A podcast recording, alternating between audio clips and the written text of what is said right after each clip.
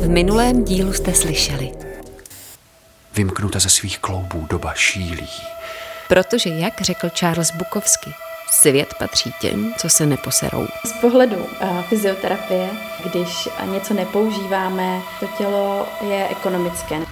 Mám přirovnání takový k tomu já mám rád, jak si nebojovat s věcma. Jo? A mě to někam vede, tak prostě si plynu s proudem, ale jde o to, že v tom proudu, když jedeš v tom potoce, tak prostě neplavu proti proudu, nesnažím se z toho vydrásat jako nějak na, na břeh, všechno to stojí strašně moc energie a stejně tě to strhne, ale koukám, aby mě to nevomlátilo o šutráky, které tam jsou. S Katkou Michálkovou jsme na pohyb či jogu a tělo nahlédli z pohledu fyzioterapie, kdy jsme se dozvěděli důležitou věc a to, že pokud s tělem přestaneme hýbat nebo s některou naší fyzickou částí, pak ji náš systém vyhodnotí jako nedůležitý a ona část těla, či my celý, začneme takzvaně tuhnout. Zároveň však toto není nevratné a my to ve většině případů dokážeme změnit. S Daliborem Štědroňským jsme toto téma dále rozvedli a Dalibor s námi sdílel své osobní cené poznatky a zkušenosti, proč a v čem je důležité správně při józe dýchat.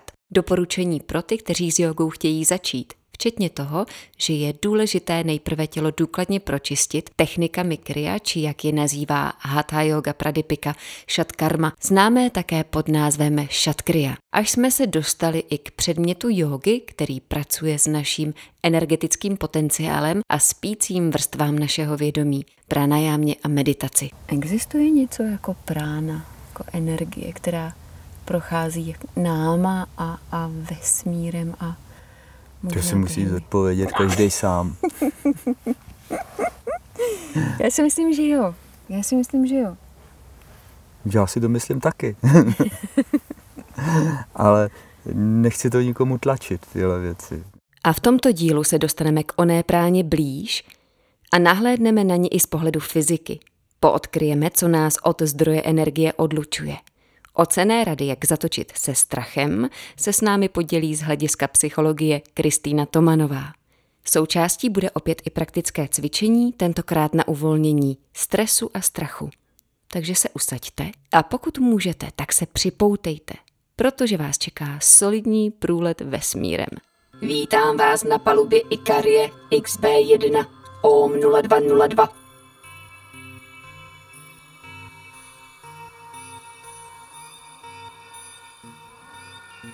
From prana, indeed, all living forms are born, and having been born, they remain alive by prana. At the end, they merge into prana once more. A tak zní verš z Kaushitaki Upanishad, která a v překladu znamená, že z prány vzniká všechno živé, všechny živé formy a zůstávají naživu díky práně. A ke konci nebo na konci se opět do oné prány přemění ještě jednou. A co to znamená ta prána?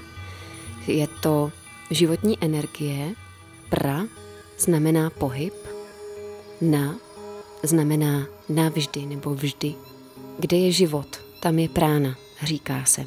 Prána je možná něco jako elektřina, která je v přírodě nepředvídatelná, avšak pokud ji usměrníme do nějakého kabelu, pak se může stát kontrolovatelnou a usměrnitelnou a dá se s ní například svítit.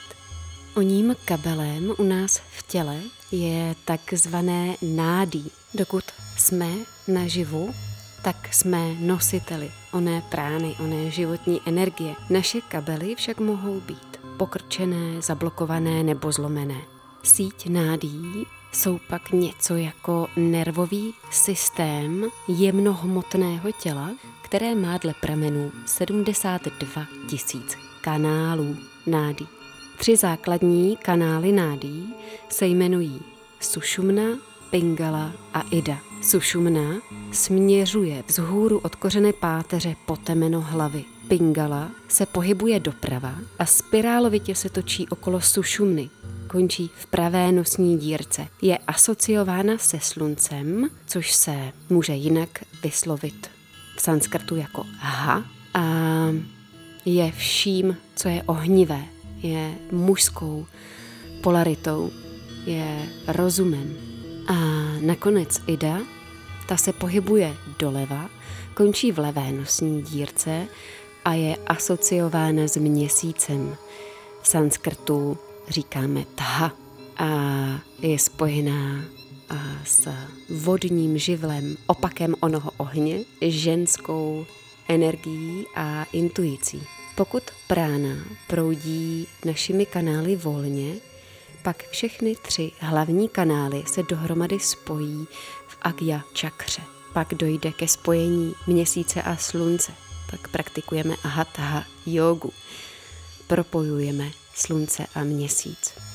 Pranayama, asana, vinyasa krama i kriya mají za cíl uvolnit naši životní energii a naučit nás ji korigovat vědomně. Tyto jogové techniky vyžadují vědomý kontrolovaný dech. Dech je jedním z nejdůležitějších joginských nástrojů, avšak kontrola dechu není hlavním cílem jogy. Aby se prána uvolnila, musí se nejprve korigovat, nasměrovat do sušumny nebo do centrálního energetického kanálu, kde pak může plynout sama nesvázaná. Já mám zkušenost eh, z Indie, kdy když jsem tam odjížděl, tak vlastně tam člověk stráví několik měsíců a neřeší nic jiného než, než vlastně jogu. A eh, při té poslední návštěvě eh, jsem se věnoval intenzivně záklonům, protože mě to lákalo s tím, že jako ráno jsem měl asánovou praxi, odpoledne jsem se věnoval záklonům, k tomu jsem strávil čas pranájámou, meditací a takovým slastným nic neděláním, že jsem chodil prostě na procházky a, a čuměl jsem s proměnutím. A výsledkem toho bylo, že po několika týdnech jsem ne, že bych úplně ztratil potřebu jíst, ale můj denní příděl potravy byl ve velikosti jako menší svačiny v podstatě. A nebylo to, že bych to omezoval, ale prostě jsem nechtěl, neměl potřebu. Neměl jsem hlad vůbec a ani jsem nějak nehubnul. A druhá věc, eh, spát jsem nepotřeboval moc. Jo, skrouhlo se to na nějaký dvě a půl, dvě a půl hodiny hmm. zhruba, tak kdy jsem skutečně spal. A Eh, nedělal jsem to s cílem, aby eh, ty záklony a to, ty pranajámy, abych tohle dosáhnul, ale prostě najednou to přišlo a byl jsem z toho překvapený. Pak jsem přijel do domů, do Prahy a tam jsem vlastně tuhle tu nabitou, řekněme, to není schopnost. Spíš tenhle dárek jsem eh, okamžitě zneužil, protože jsem se vrhnul do víru eh, práce, aktivit, prostě mnoho lekcí, masáže nějaký jsem dával, eh, lítal jsem jak šus, do toho ještě nějaký další pohybové aktivity a z toho poklidu toho, té Indie kde jsem nic neřešil, tak najednou jsem začal řešit, organizovat, pracovat, eh, lítat a nevydrželo toto tělo ve finále. Mm-hmm. Prostě se mi podělalo koleno, zánět jsem pak do toho uhnal, to je neschopný zastavit. A samozřejmě pak to velice rychle to šlo dolů, taky ta, eh, ta, ten, ta schopnost nebo ten dárek eh, vyžít z mála a nespat. Až mě to úplně zastavilo. A myslím si, že my se od toho zdroje odstřiháváme mm, v první řadě a hlavně tím stresem a tím tempem životním, který máme protože eh, je zběsilý, pak nemáme čas si uvědomovat ani sami sebe, ani to, co děláme, vlastně mnohdy nevnímáme, protože jedeme jenom, aby se plnily ty úkoly. A to je jedna věc, která nás odstřihává, protože to je strašně energeticky náročný. Ten nadrnčený nervový systém je strašně energeticky náročný, takže ten asi jenom prána nevyživí potom. to je třeba něčím dohnat. a utlumit, takže to jsou potom ty alkoholy a tak další věc. A když se to přepískne, nebo když už je toho na nás moc, tak máme tendenci sklouznout do opačného extrému. By to, bylo, to je ten takový balvanoismus, jo, takový to, ten, ten tamas. Ta energie kapová, prostě když se člověk sedne a, a tupě, eh, ale v našem případě nejde pozorností, bděle pozorností rovněž řekněme, aby si vědomě odpočinul, zrelaxoval, ale prostě si koukáme vypnout, ale vypnout takovým tím způsobem, vyčumíme do těch obrazovek nějakých třeba jo, a zase to doháníme jenom jídlem třeba, jenom zaplácáváme věci a, a tak vyloženě taková snaha otupit, jako otupit se. A to taky nepřeje tomu, aby člověk se nějak energeticky mm, dosytil z toho, co, tu, co se mu nabízí. Takhle to vnímám, ale jestli to tak je nebo není, nevím. S tím asi mm, souvisí i zdraví, ne? Na tom vlastně ve chvíli, kdy my takhle se jakoby třeba uh, hmm? odpojíme od zdroje, vlastně si nenecháme ten čas, neurveme si ten čas uh, v tom jakémkoliv našem dnešním světě pro sebe, tak to pak může být, uh, můžeme to pocítit na tom zdraví. Hmm. Možná. Určitě.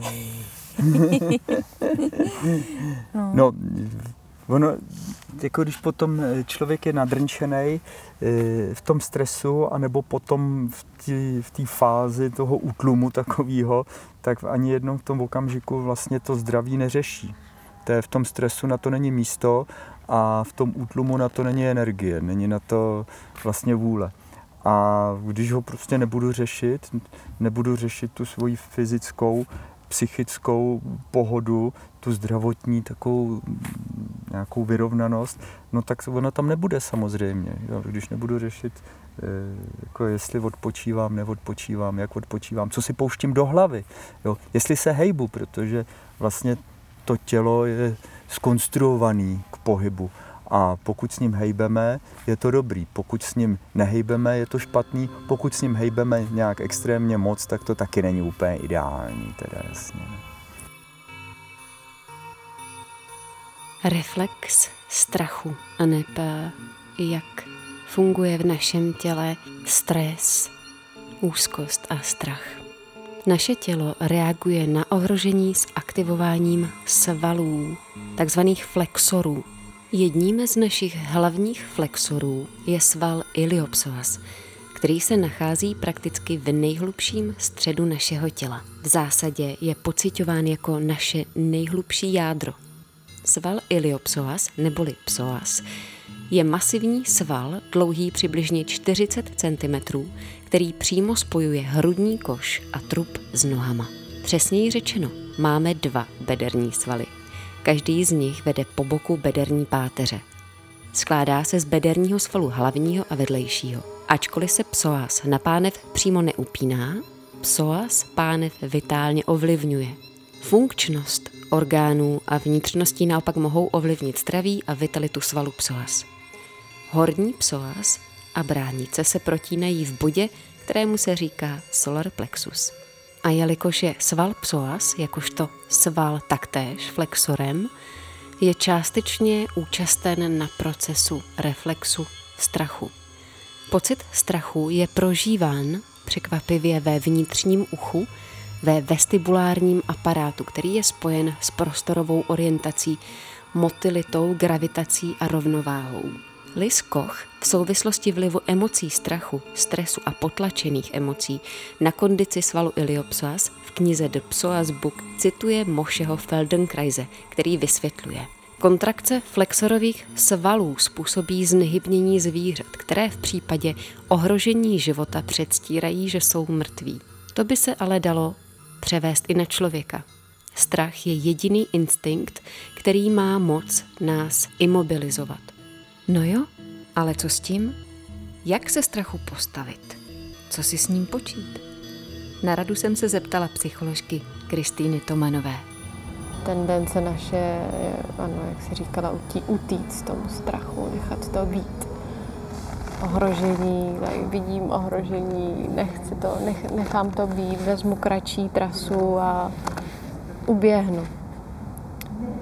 Ale pokud se tomu postavím samozřejmě, tak co se týče té tý psychické energie, tak to bere mnohem víc energie toho člověka se tomu nějak postavit a nějak se tomu, nějak s tím pracovat. A to podle mě, v tom podle mě by mohl být uh, nějaký, uh, nějaký určitý bod um, toho, že v naší společnosti tak jsme zvyklí, že všechno je rychle, teď, hned, co nejdřív chci to dát pryč. Místo toho, abych s tím nějak pracoval a pochopil, že to je třeba běh na dlouhou trať. A to samozřejmě pro nás je čas velký utrpení si tím projít. Třeba například vezmu si prášek a jako přestane mě bolet hlava, to je takový ten klasický mm-hmm. že jo, případ. Místo Nebo toho, že to taky někdo udělá za nás, že? Nebo, no, místo toho, aby si tím člověk prošel celou tou bolestí hlavy. Samozřejmě ne až, až do té doby, než mm, mám pocit, že mi ta hlava úplně vypukne. Se je důležité pracovat s nějakýma svýma vnitřníma lim, limitama. Um, ale pracovat s tím a ptát se sám sebe, neustále pracovat sám se sebou, klást si otázky a neobracet se sám sobě a, a tomu problému zády. Člověk, který utíká před tím, čeho se bojí, někdy shledá, že si k tomu jen zkrátil cestu. Píše v knize Hurínovi děti Tolkien. Sval psoas se tedy stahuje kdykoliv máme strach. Děje se tak z pochopitelných důvodů, pudu sebezáchovy, jelikož psoas touto kontrakcí chrání měkké zranitelné části těla, jako jsou genitálie a vitální orgány. Strach zasahuje také páteř. V dnešní době s vysokou hladinou zvukové poluce světelného smogu a stísněného životního prostoru jsou lidé i zvířata vystavováni vysoké úrovni stresu a to prakticky neustále. Dostáváme se tak do nepřetržité tenze, kdy naše těla nemají čas se vrátit do původního normálního stavu. Ve chvíli, kdy takové tenze překročí určitou hranici, jsou prožívány jako pocit úzkosti. Strach se v našich tělech ukládá, vibruje skrze náš nervový systém. Snažíme se sice pocity úzkosti kontrolovat, v našich tělech ale přibývá oné svalové tenze, která vede postupně čím dál tím více k neohebnosti. Aby se svaly uvolnily, musí kostra plně nést váhu těla a pánev musí být uvolněná. Uvolnit a prodloužit sval iliopsoas však vyžaduje čas. Ale určitě to stojí za to. A tak mě napadlo, že by se vám mohlo hodit, a co bych s vámi ráda sdílela, je fígl, jak se zbavit stresu, což je většinou první věc, kterou začínám svou asánovou praxi v průběhu dne. A to vlastně z jasných a pochopitelných důvodů. Když je tělo uvolněné a relaxované, pak je také flexibilnější a celkový pocit z pohybu je diametrálně odlišný, než když na yogamatku doběhnu s vyplazeným jazykem, kdy mi ještě hučí v uších rozrušením z toho, co bylo a popadám dech. Přiznám se však, že jsem to dříve neměla jinak. Prostě jsem dobíhala na poslední chvíli a věčně rozlítaná hlavou v oblacích a tělem mimo zemi. Dnes už vím, že to jde líp. Stačí se zastavit, vydechnout, najít v sobě nový startovací bod, ať už je za mnou ten den cokoliv. Pokud praktikujete ráno, tak pak určitě stačí i několika minutová meditace. Nicméně během dne, kdy máte ještě něco před sebou, je tohle prostě top noč.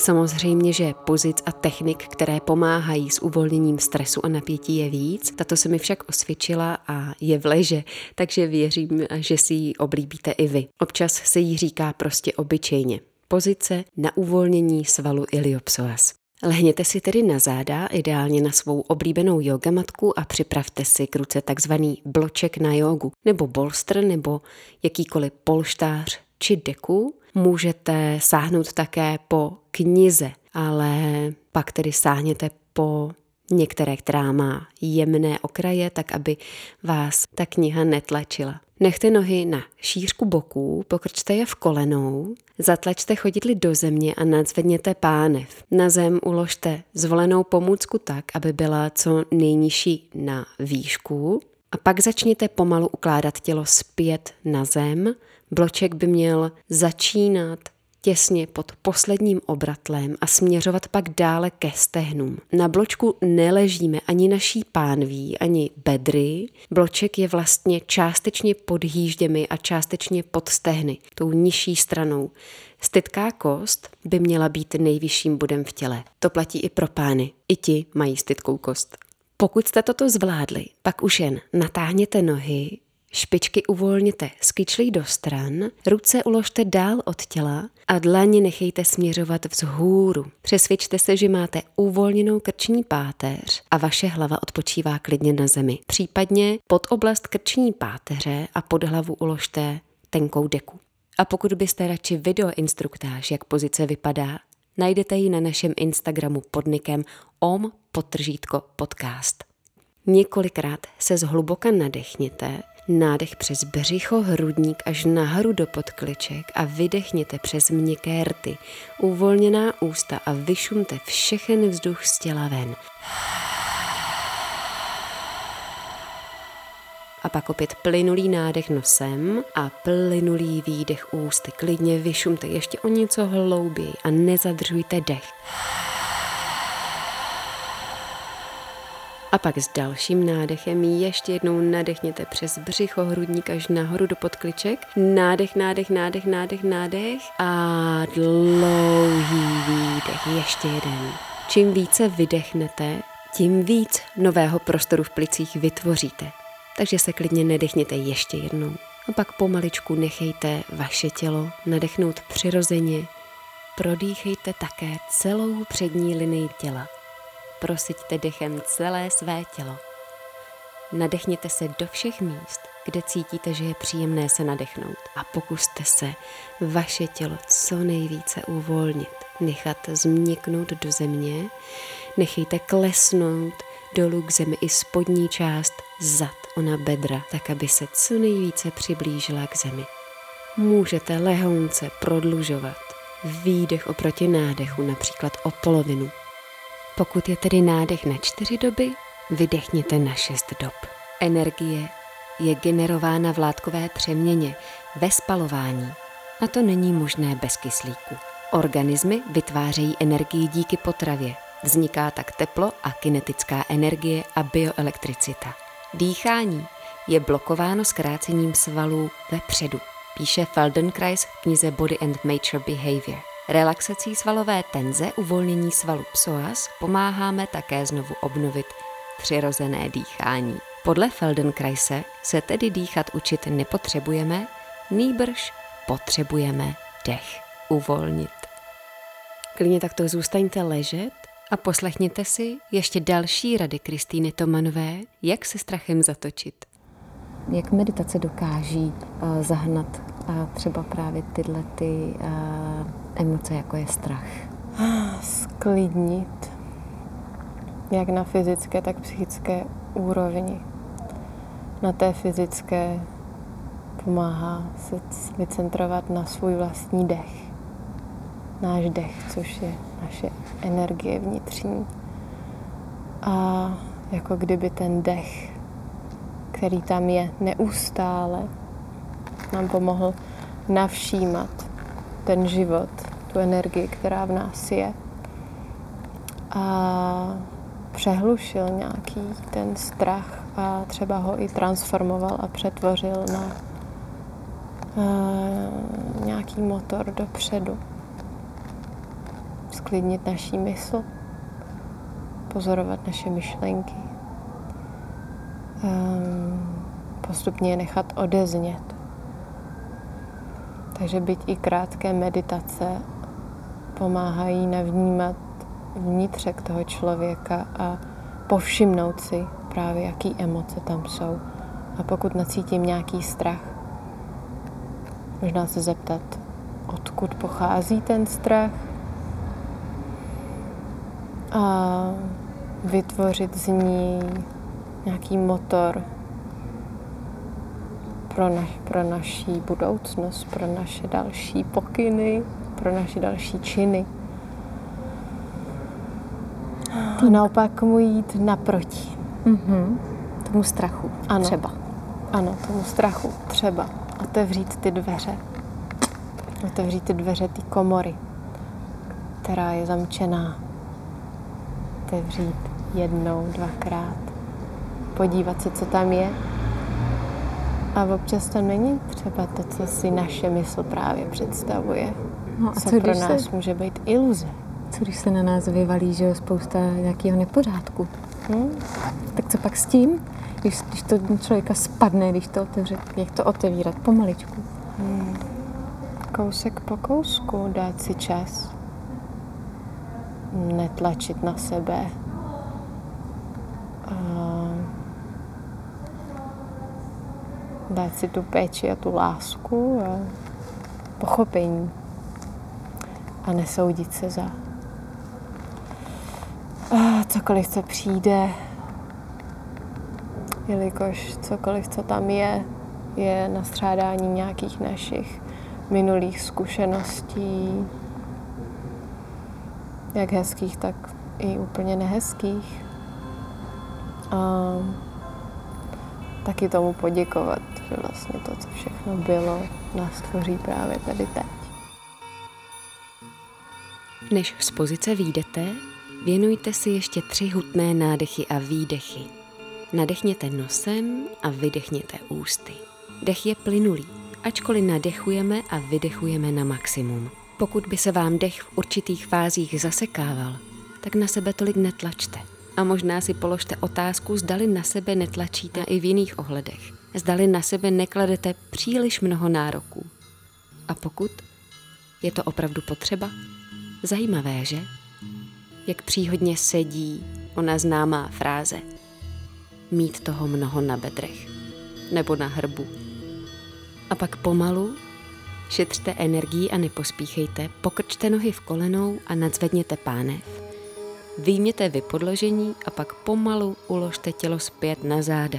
Natáhněte opět nohy a zůstaňte takto ještě chvíli ležet. A pouze sledujte, jak se cítí vaše tělo.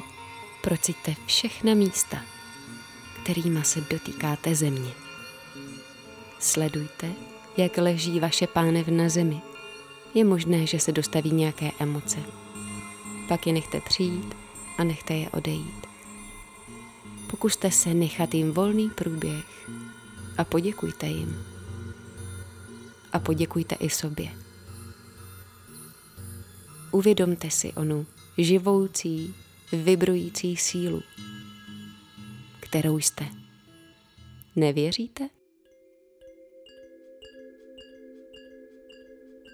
V prastarém a velmi ceněném spise Hatha Yoga Pradipika stojí, že Ha reprezentuje právě onu pránu, životní energii, a Tha reprezentuje mysl, mentální energii.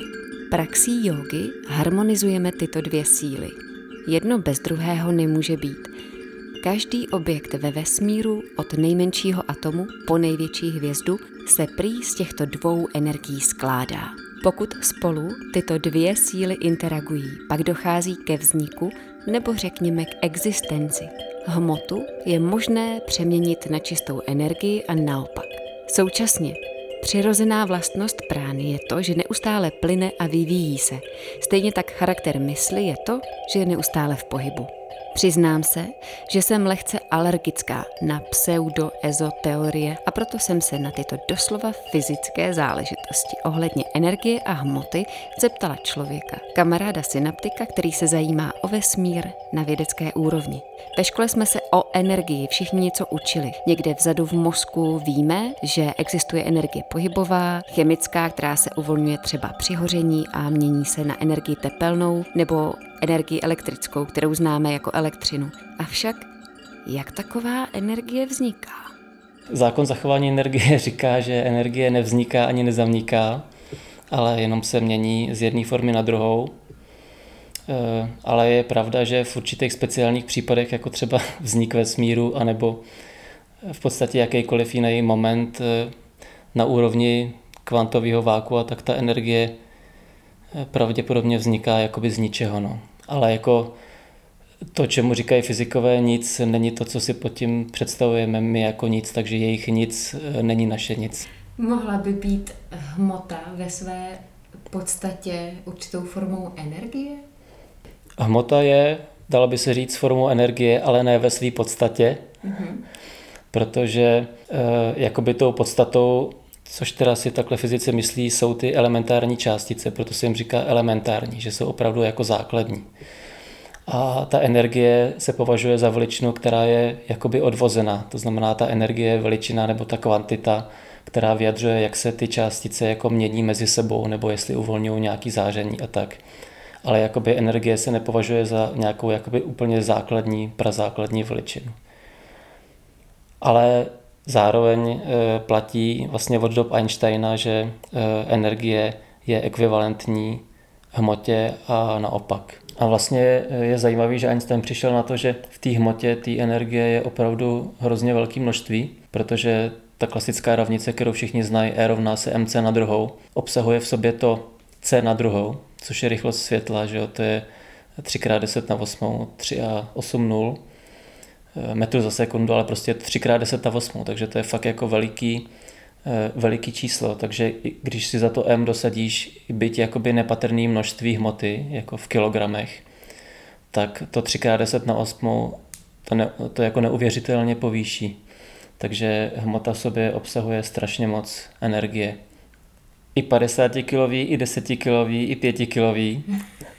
Ale kdyby nás zajímal takový 70 kilový člověk, což jsem třeba já, tak eh, ten má... to spočítal? Já, tak já jsem si to spočítal.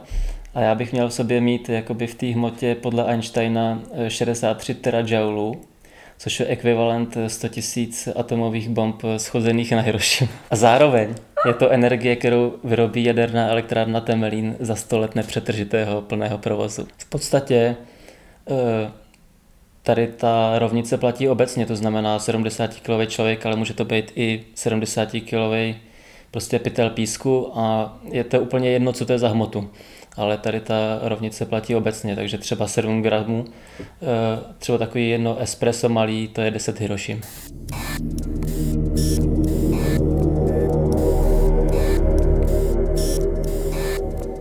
Jsme složení z hvězd?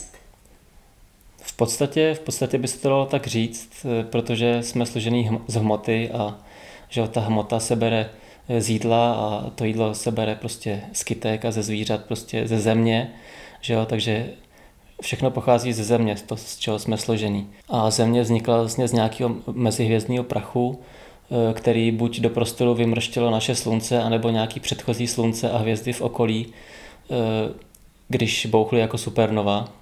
Takže vlastně tady z toho prachu postupně vznikla ta sluneční soustava. Takže e, my jsme skutečně složení z atomů, který si v uvozovkách pamatují historii Eh, až do té původní hvězdy, eh, ve které byly uvařeny.